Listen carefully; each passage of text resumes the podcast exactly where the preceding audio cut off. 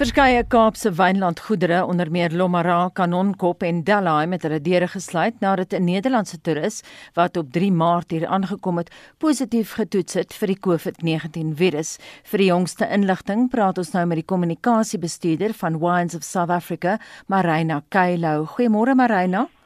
Goeiemôre Anita. Het jy vir ons meer besonderhede oor wat presies gebeur het? Ehm uh, man ons weet nie op hierdie stadium ehm um, uh veel meer as dat hy die wynlande besoek het met 'n uh, groot groep uh, Nederlandse wyntoeriste nie. Ehm um, en en so het hy uitgevind hy is siek, hy het onmiddellik ehm um, die al die plase en hotelle laat weet waar die groep besoek het en gebly het en uh, sover ons op hierdie stadium weet word hy nou gemonitor en hy sal terugkeer na Nederland sodra hy weer gesond is met die toestemming van sy geneesheer. Die ander toeriste is terug. Hulle is reeds terug, ja.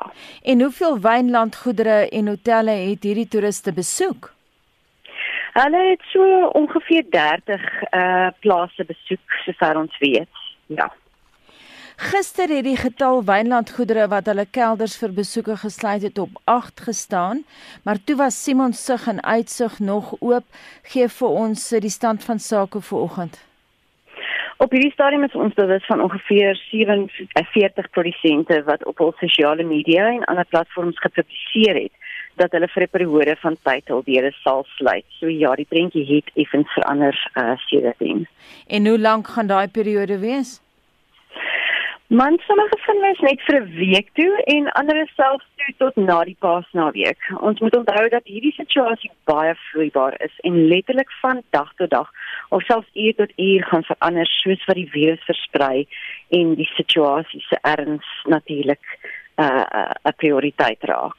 Word die uh, wynlandgoedere oorhoofs aangesê watter reëls om te volg of hang enige besluit oor corona af van die betrokke eienaar? Nee, ons as bedryf kan nie vir die produsente voorlees hoe om hul besighede te bestuur nie, maar ons het wel al ons produsente aangeraai om higiëniese maatreëls op hul plase op te skerp indien hulle wel sou oop bly. En ons is seker dat almal bedag is op die situasie en die nodige stappe neem om te verseker dat hul werkers as ook hul besoekers se gesondheid as prioriteit beskou word.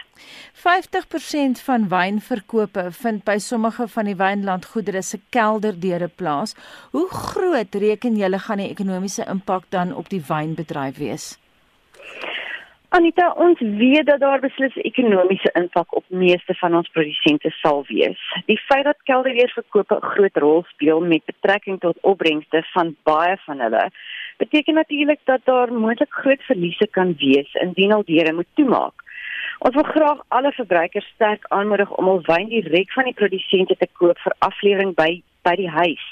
Die meeste van ons produsente is ingestelde tuisaflewering en baie van hulle bied dit as 'n gratis diens vir minimum hoeveelheid bestellings in die groot stede of teen 'n minimale koste. Dit sal beslis beteken dat vir al die kleiner familieprodusente na aanloop van die corona saga weer hul deure sal kan oopmaak en besighede hierdie moeilike periode kan dra. En die effek op die plaaswerkers? Die Suid-Afrikaanse wynbedryf bied ongeveer 290 000 werksgeleenthede elke jaar. Seisonale werkers is in die meeste gevalle reeds klaar met die oes vir hierdie jaar, maar dan is daar natuurlik die werkloosheidsfonds voorsorgmaatreëls wat die week vrygestel is deur die staat vir permanente werkers wat beslis die situasie sal help. Dit is wel ons verantwoordelikheid as bedryf om te verseker dat ons werkers ingelig is in die verband en dis toegerus is met die nodige en beskikbare inligting wat daar wat daar buite is. Maar Reina 2019 se wynuitvoere het vir Suid-Afrika 8,7 miljard rand in die sak gebring. Kan ons 'n swak 2020 te wag te wees gegee die feit dat daar minder aanvraag vir wyn is na mate byvoorbeeld restaurante sluit? In 2019 het die wynbedryf ongeveer 31.8 miljard in beide plaaslike en uitvoermarkte behaal. Ons sien beslis dat daar 'n afname in wynverkope sal wees, veral in ons uitvoermarkte, maar ook vermoed ons dat die plaaslike mark sal moet terugstaan vir ander essensiële produkte teenoor wyn wat as 'n luukse produk beskou word. Soos wat internasionale hawens sluit, word ons reeds geaffekteer en kan beslis sien hoe die Chinese mark reeds 'n impak op ons syfers gehad het. Met restaurante en kroë wat reg oor die wêreld gesluit word en natuurlik gisteraand se se bekendstelling dat ons restaurante en kroë moet toegemaak word teen 8uur.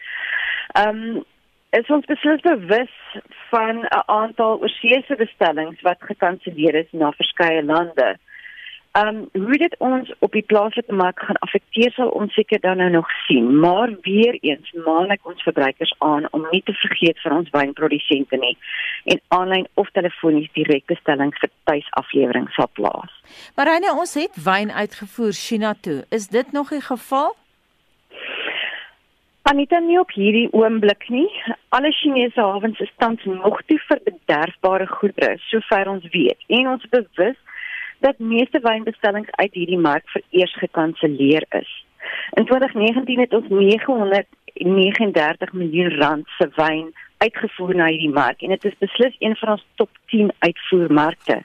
Ons weet wel dat in 2012 na die Midde-Ooste virusuitbraak daar 'n skerp opname in invoere was uh, in China toe besighede weer op die been was en ons vermoed dat ons dieselfde sterk aanvang sal sien in hierdie geval. Ons het al ons produsente sterk aangeraai om hul verhoudings met ons Chinese agente gedurende hierdie moeilike tydperk te ondersteun. Wines of South Africa is nou verantwoordelik vir die bemarking van Suid-Afrikaanse wyne.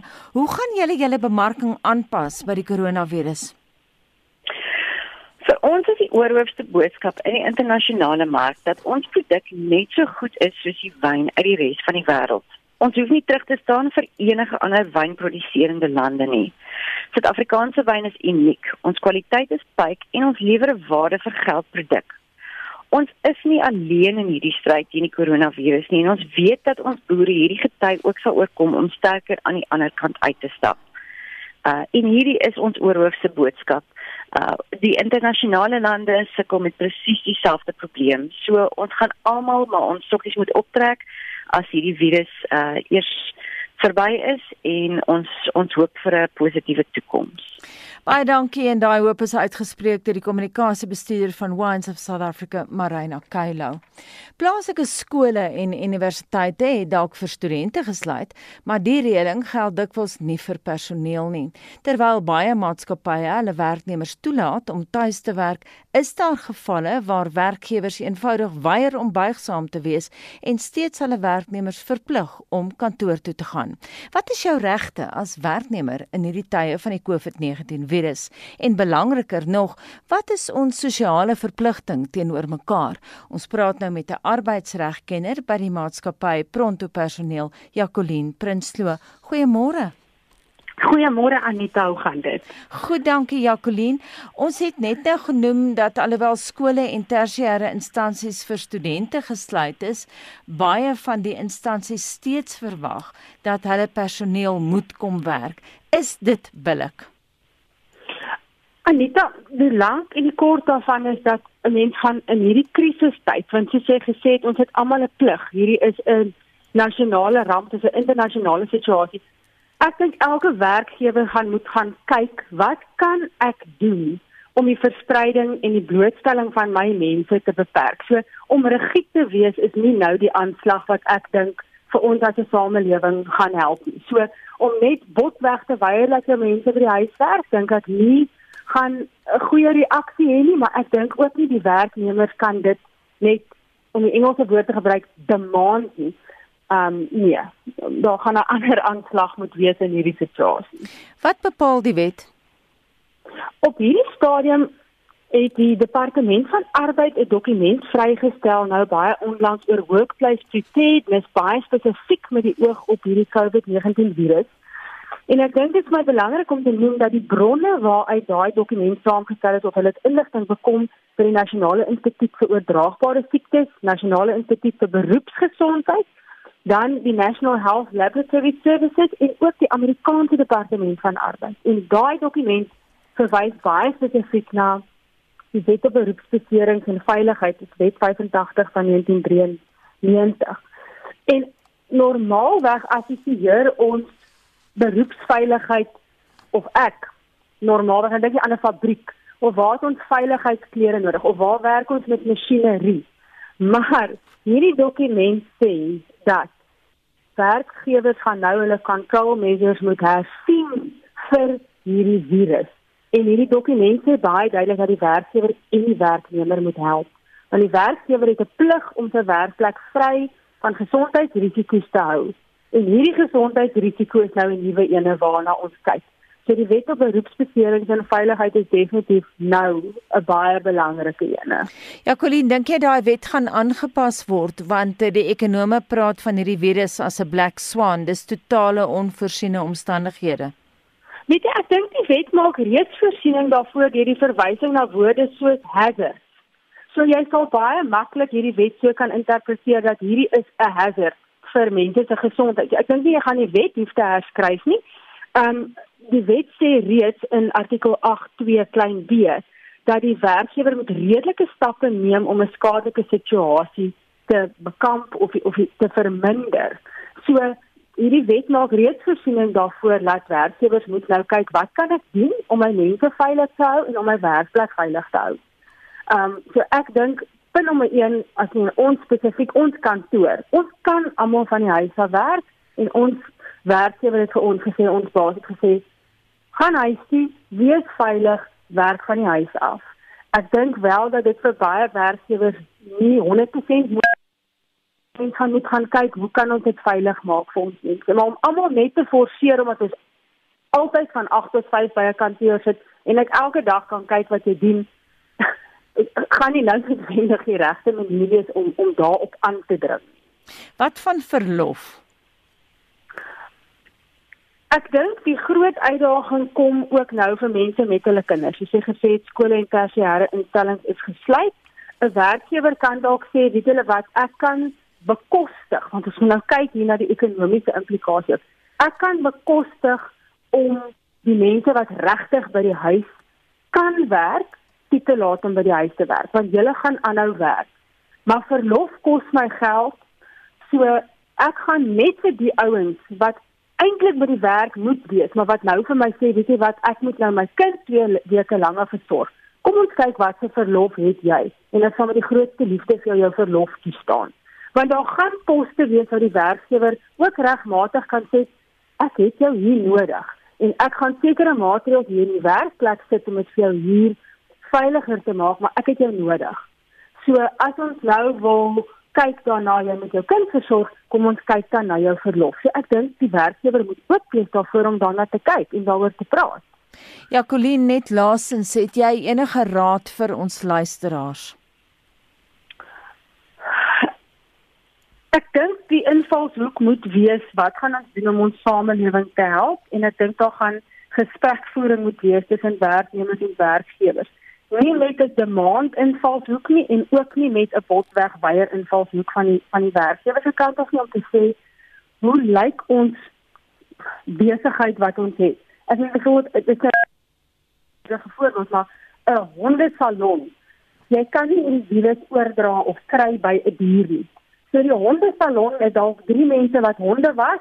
Nou skeduleer ons afsprake net 'n bietjie verder uitmekaar laat net een honde eienaar op 'n slag inkom, ons het nie 'n wagkamer vol mense nie. So, julle gaan nog steeds kom honde was en ons skeduleer 'n bietjie anders. So daar's baie goed wat 'n mens kan doen om dat te kyk, maar die werkgewers en die werknemers gaan nie buigsaam wees. Ek dink hierdie is 'n tyd vir regiet wees nie. Um ek werk in 'n netwerk ook saam met ander firmas wat byvoorbeeld reeds ook vir hulle kliënte corona beleide opgestel het nou vir hierdie tyd om te sê dis hoe ons dit gaan hanteer want dan weet jou werknemers ook hierdie is die grense waarbinne ek moet beweeg. En wie weet Jacqueline, eh, miskien word hierdie werksaamhede van nou dalk ons toekoms, die nuwe normaal. Wel Anita, daar is ongelooflik baie bedrywe wat al ehm um, van weet nie almal elke dag na 'n kantoor toe kom nie. 'n Ander firma saam met wie ek werk gebruik byvoorbeeld eh, 'n uh, program Soho. Hulle kan totaal en al hulle werknemers se aktiwiteite monitor. En hulle laat hulle werknemers toe van hulle huise af te werk. Partykeer is mense self meer produktief. Maar hierdie kliënt het ook vir my gesê, die oomblik wat ons sien iemand misbruik hierdie voorreg om van sy of haar huis af te werk, dan kom sit jy by die kantoor. Dan kom jy by die kantoor. Maar ek dink regtig ehm um, daar is baie beroepe wat mense so kan werk en wat mense dit nie misbruik nie. So ek stem met jou saam, ek dink definitief dit is dit is nie so ver in die toekoms eers as jy my vra nie. Baie dankie en so voorspel Jacqueline Prinsloo arbeidsregkenner by die maatskappy Pronto personeel. Na aanleiding van Monitor se gesprek vroeër die week met die aktrise Liz Meyering, het Roel Bekes ons vanuit Seoul gekontak waar hy Andrew Lloyd Webber se musiekblyspel Phantom of the Opera byna daagliks opvoer, boonop word dit gedoen vir 1500 Suid-Koreane. Hy vertel hoe die koronavirus die toergroep beïnvloed. Ons was in Daegu gewees, e-, eintlik in Busan, is een stad toe die virus uitgebreek het, maar toe het ons huis toe gegaan en toe ons weer teruggekom en ons is nou in Seoul en die, ons is hier vir 4 maande en dan gaan ons na uh, die ander stad Daegu wat ook 'n groot uitbraak was tot einde Augustus. Ons maak die 12 Augustus klaar. Roel, julle is basies in semi-kwarantyne. Ek verstaan julle mag slegs tussen die hotel waar julle woon en die teater beweeg en julle het spesiale toestemming gekry vir Phantom of the Opera. Ja, die uh die uh produksiemaatskappy wat betrokke is, is nou almal in Londen en so aan GWB Entertainment en so aan. Het maar met die owerhede onderhandel en omdat dit so groot produksie is en ek dink is maar omdat dit totaal uitverkoop is en dit so lank speelvak is het hulle maar onderhandel en die produksie gaan aan alhoewel daar baie ander produksies wel gekanselleer is. En as ek nou sê semi-kwarantyne dan bedoelende ons word met busse gehaal by die hotel, ons word na met busse vervoer na die teater toe. Ons word gemonitor die hele tyd as ons in die teater instap word ons gemonitor uh, gescan soos die die of die Engelse woord nou maar is as ons terugkom in die hotel word ons gescan. Ons word in die oggend as ons na die ontbytsaal toe gaan word ons gescan. Ons word dierentyd word ons gemonitor. Ons mag ook glad nie van openbare vervoer gebruik maak nie as ons noodsaaklik iewers moet heen gaan om sê maar dit gaan kos koop of iets van die aard. Moet ons of loop of ons moet met gebruik maak van huurmotors. En wat van die teatergangers dra hulle almal maskers? Ja, dit is nogal vreemd om voor 1500 mense agt opvoerings so week te doen en almal sit gemaskerd met die maskers uh, op hulle gesigte. Die ironie is aan die einde van die aand is so mense raak so beserk oor die produksie dat almal vlieg op en skree en gee staande ovasies. Dan hulle die maskers af en dan begin hulle te skree. So dis eintlik maar vir ons bietjie eintlik halflagwekkend, jy weet, en hulle word gedurig ook gemaan. Kokor is daar 'n aankondiging in die pouse en so aan sit asseblief julle maskers op. Mag julle mag dat julle maskers verwyder nie. Was julle hande oral by die deure, elke plek, elke hoe draai en hoekie waar jy kom is daar van hierdie um, hand sanitizers en goeders en so. Ons het nou by 'n ander korrespondent van ons gehoor wat in Suid-Korea was dat die Suid-Koreane eintlik baie kalm is alhoewel hulle een van die episentra van die virus is. Ja, ehm um, jy weet hulle is hulle is regtig kalm. Hier's 'n rustigheid oor die hele stad. Gistermiddag het my nou weer getref. Ek het afgestap sommer hier oor kan na een van die lokale uh, plekkies toe om met iets te kom te eet en almal daar was rustig en almal dra die maskers alhoewel jy sien nou maar een ou of twee ons wat nou nie maskers dra nie maar wat my opgeval het is by die oorgange die voetoorgange en so aan mense staan ook nie te mekaar nie. Hulle gee jou daai wat hulle praat van personal space. Jy weet almal staan so 'n meter van mekaar af weg en maar daar's 'n rustigheid en daar's hierdie massa hysterie wat ek eintlik glad nie verstaan nie bestaan glad nie hierso nie Maar ek dink is omdat die Koreane ook hulle dinge in plek het, jy weet. Ek weet nou nie wat se getalle en goeder julle nou alles gekry het daar in Suid-Afrika en met korrespondensie en so nie, maar hier was 'n groot uitbraak gewees. Maar dit het nou al geval. Hulle het 20000 mense 'n dag het hulle getoets of toets hulle nog steeds. En die 633 toetsstasies in die hele land en iets soos ehm um, 118 laboratoriums wat opgesit is.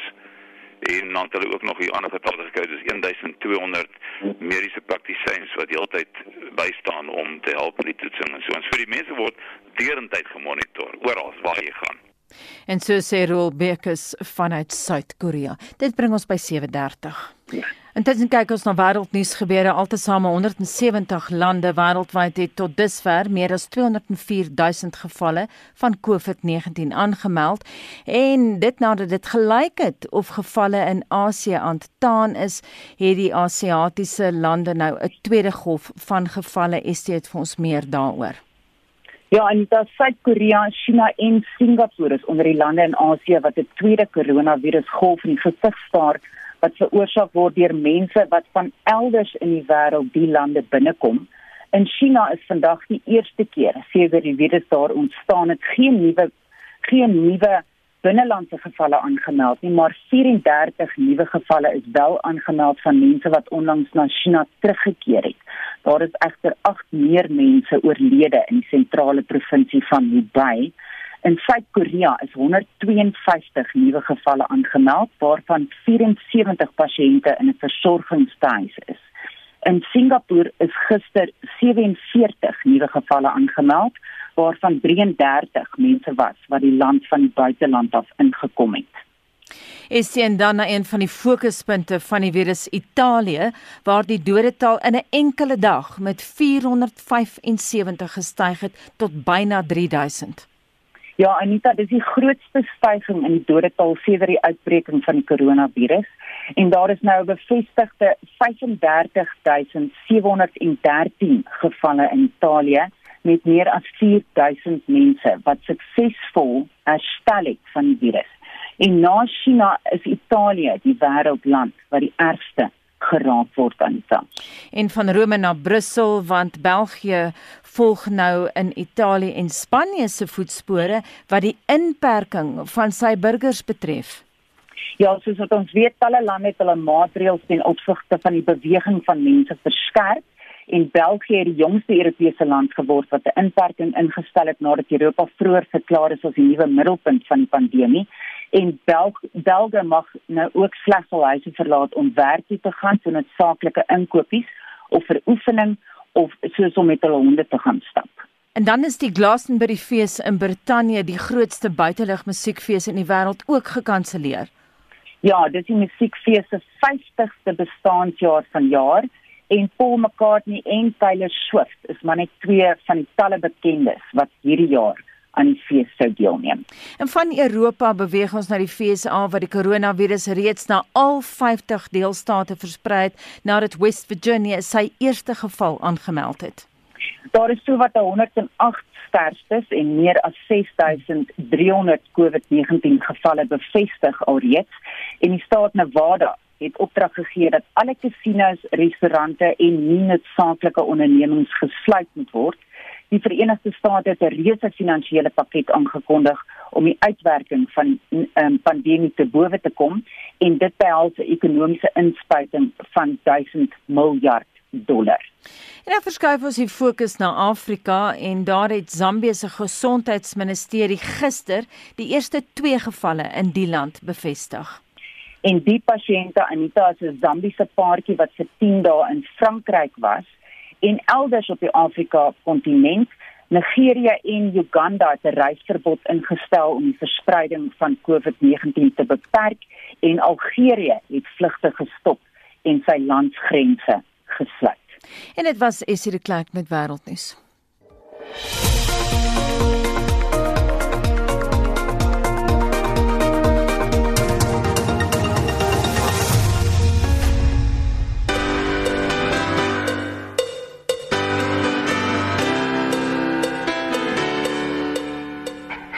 Dit is Connie de Villiers met kring om die maan.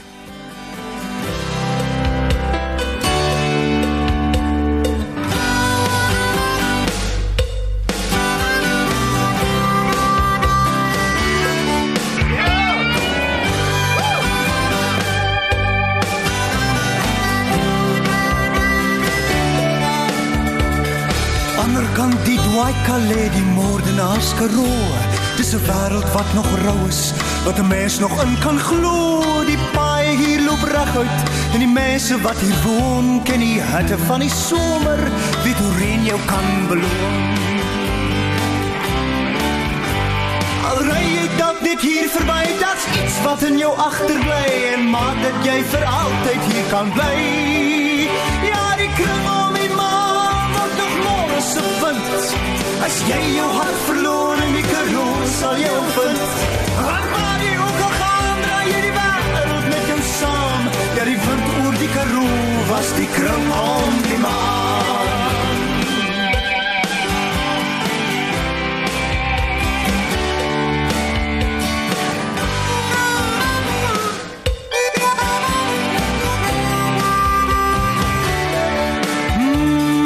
manier om te sien.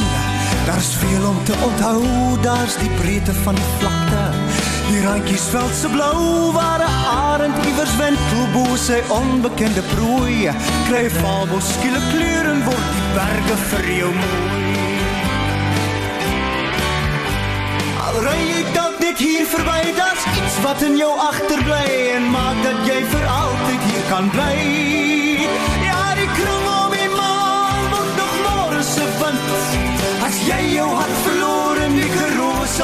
Vind. Want waar jy ook al gaan, draai jy die wêreld met jou saam. Ja, die wind voer die geroe was die kring om die maan. Die Koran se lied word hier 'n bittersoet meneer. Hy ken reeds hierdie land, hy ken die horison se kleur. En die vinde wat hom dra oor die modenaars geroe. Skil die bitterreuk van Awen en van Tolbos en Kambro.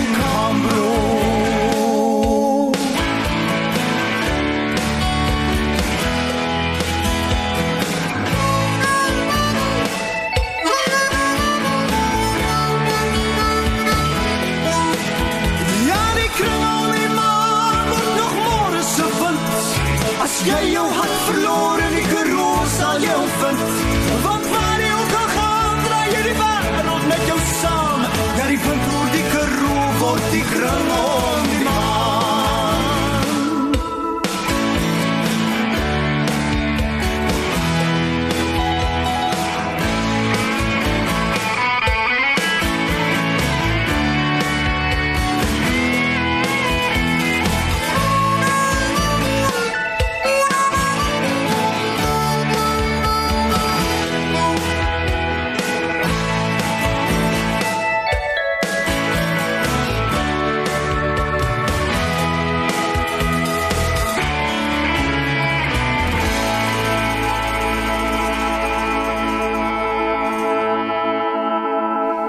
Dit dan die stem van Connie de Villiers met Kring om die maan. Dis nou 7:43. Die plaaslike fliek Losing Lerato is met 6 toekenninge by die Idlewild Internasionale Rolprentfees in Kalifornië bekroon. Die toekenninge behels beste akteur, beste aktrise, beste oorspronklike klankbaan, beste spel deur 'n kind sowel as gehoor gunsteling. In mediafoto's pryk die wenners met hulle trofees geklee in aandklere sowel as gesigsmaskers vir beskerming teen die COVID-19 virus. Losing Lerato se draaiboekskrywer Ricardo Arendse het weens sy verpligtinge by die Stellenbosch Woordfees nie die toekenningsplegtigheid bygewoon nie. Hy het egter aan Anne Marie Jansen van Vuren vertel hoe trots hy op die rolprent se prestasies is. Ek dink dis amazing. Natuurlik wil mense hê dat jou rolprent of die plaaslike rolprente meer plaaslik jy weet die pryse wen. Maar die feit dat die rolprent internasionaal erken word, dit kan net goed wees vir ons bedryf, vir die mense betrokke, die vervaardigers, die akteurs, vir my as skrywer van die draaiboek. Jy weet dit hou net goeie dinge in. Die mense wat nou na Idlewild gereis het, het hulle nou maar besluit om die COVID-19 vrese te trotseer om Amerika toe te gaan vir die geleentheid. Ek dink kaartjies was al reeds bespreek maande voor die tyd en toe was dit maar 'n kwessie van gaan ons dit doen of gaan dit nie doen nie. Ek dink ons almal is maar kind of like it was 'n brave ding om te doen. Hulle het mos natuurlik nou voorsorgmaatreëls en so getref. So ek is bly almal is ongeskaad. Losing Lerato, kortliks waaroor gaan die storie wat jy nou geskryf het? So Losing Lerato gaan basies oor 'n pa wie sukkel om toegang of soos ons nou in Engels sê visiting rights te kry aan sy dogter nadat sy huwelik met die ma verbrokkel het. Jy weet dit vertel die verhaal van baie Suid-Afrikaanse mans en ehm um, natuurlik seker ook mans reg oor die wêreld waar die kinders wie dan agterbly in 'n huwelik wat verbroke is, gebruik word sommige tye as pawns of pionne om by die ander een uit te kom. So Losing Lerato fokus op die pa se se sukkel om toegang te kry tot sy dogter en dan later neem hy drastiese stappe en ontvoer die kind om dan die kind saam met hom te hê. Wat natuurlik mos nou nie reg in die oë van die wet is nie. Maar as 'n pa van twee seuns, jy weet, sou ek ook maar dieselfde gedoen het as ek nie toegang tot hulle kon verkry het nie. Die ware verhaal is dis die realiteit van baie mense buite. Waar kinders gebruik word om die man wie deel was van die huwelik en nou nie meer deel is van die huisie om by te kom vir watter ook al rede. Die waarheid is mos nou daar, maar dan gebruik 'n mens nou maar ander elemente om die entertainment rondom die storie maar nou op te bou en dit dan so aan te vul. Mense onderskat dikwels die draaiboekskrywer se rol in 'n fliek. Watter unieke bydrae het jy tot hierdie rolprent gelewer? Kagiso Modupe het my gevra seker die 4 jaar gelede om die rolprent te skryf. En op daai tydstip het ek self deur 'n egskeiding gegaan. Ek het alles verloor en glo dit of nie, tydens die skryf van Losing Lerato was ek eintlik op straat gewees en ek het die teks op 'n geleende laptop geskryf. So ek dink die bydrae wat ek gebring het tot die teks is my uitstudeersetting so mooi deur moeilike tye deur onsekerheid. En dan ook op 'n ernstige noot, jy weet die authenticity van 'n pa, wie weet wat dit is om nie altyd toegang te hê tot jou kinders nie.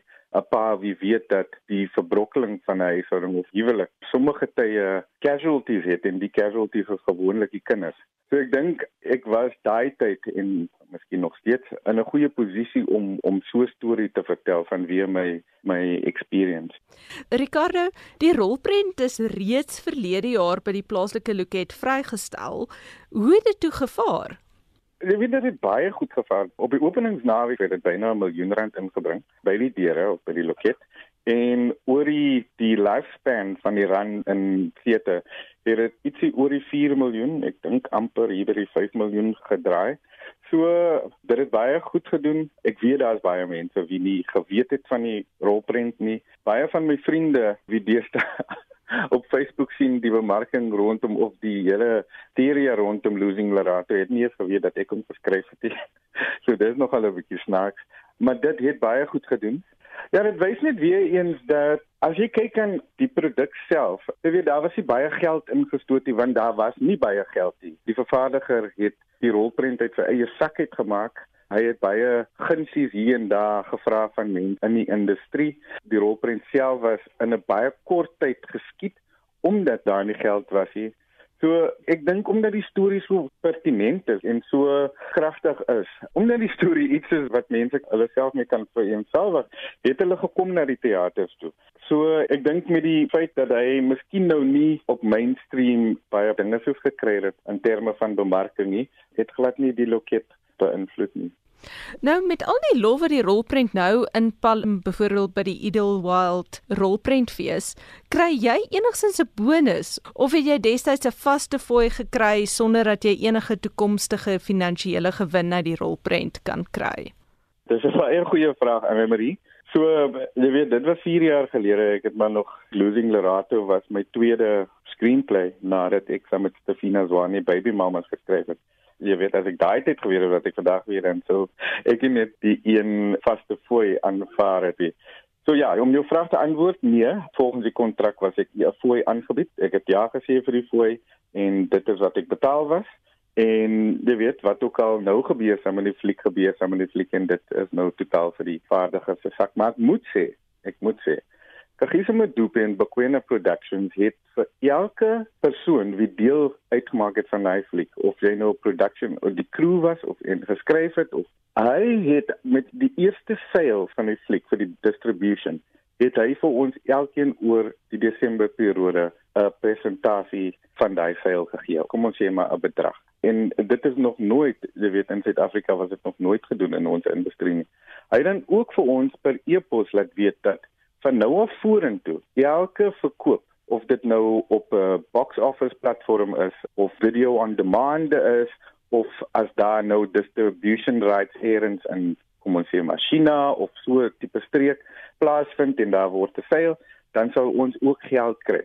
Natuurlik weet ons nou nie of weet ek nie hoeveel die bedrag is hier, dit sal nog maar verskil. Die punt is dat Bokwena Productions doen nou wat nog een vervaardiger in Suid-Afrika ooit gedoen het vir hulle mense nie. En dit is om as daar geld inkom, dan kyk hulle eers terug na die cast en crew en sorg dat hierdie mense ook 'n gedeelte van daai van die geld kry. Agter gekyk word. En so sê Ricardo Arends, die draaiboekskrywer van die rolprent Losing Lerato, wat die afgelope week met 6 toekenninge by die Idlewild rolprentfees in Kalifornië bekroon is. Hy het met Anne Marie Jansen van Vuren gepraat.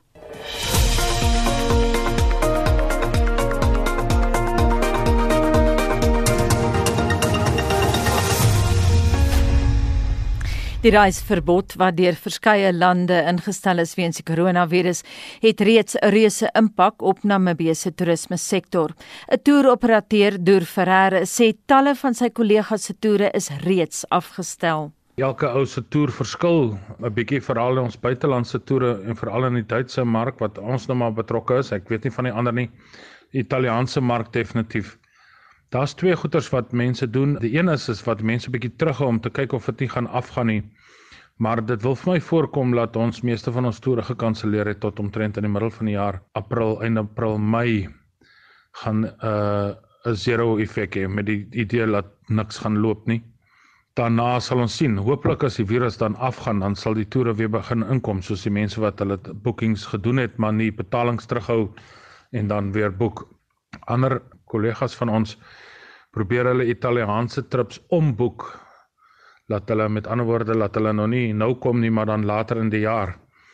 Maar ons kan niks sê nie want ons weet nie wanneer die virus gaan breek nie en as die virus breek of die hysteria breek dat mense weer gaan begin reis nie. So ja, ons is in die moeilikheid en ek dink almal begin goed verkoop en soek iets anders om te doen. Baie ons doen 'n dagtoere maar baie van ons het net geen ons het 'n muur getref en uh ons gaan vir die volgende 3 maande geen inkomste hê nie en uh hopelik daarna kan dit weer optel. Gelukkig korrigeer hierdie goeie hulle self redelik vinnig soos na die Franse skietery Bonica Privé of na September 11 het ons seer gekry en dan weer 6 maande down the line dan begin dit weer beter gaan maar op hierdie stadium is ons met ons rug teen die muur of teen die toue ons is plat. Ferreira sê hy is nie seker oor hoe hulle in die kort termyn gaan oorleef met al die toere wat gekanselleer word nie. Die inkomste wat weg is vir 3 maande is definitief so en dit sal seker nog groter ook wees. Ek dink 'n klomp mense gaan werk verloor wat geretrench gaan word of halfdag gaan werk. Ek weet van ouens wat albei alreeds doen.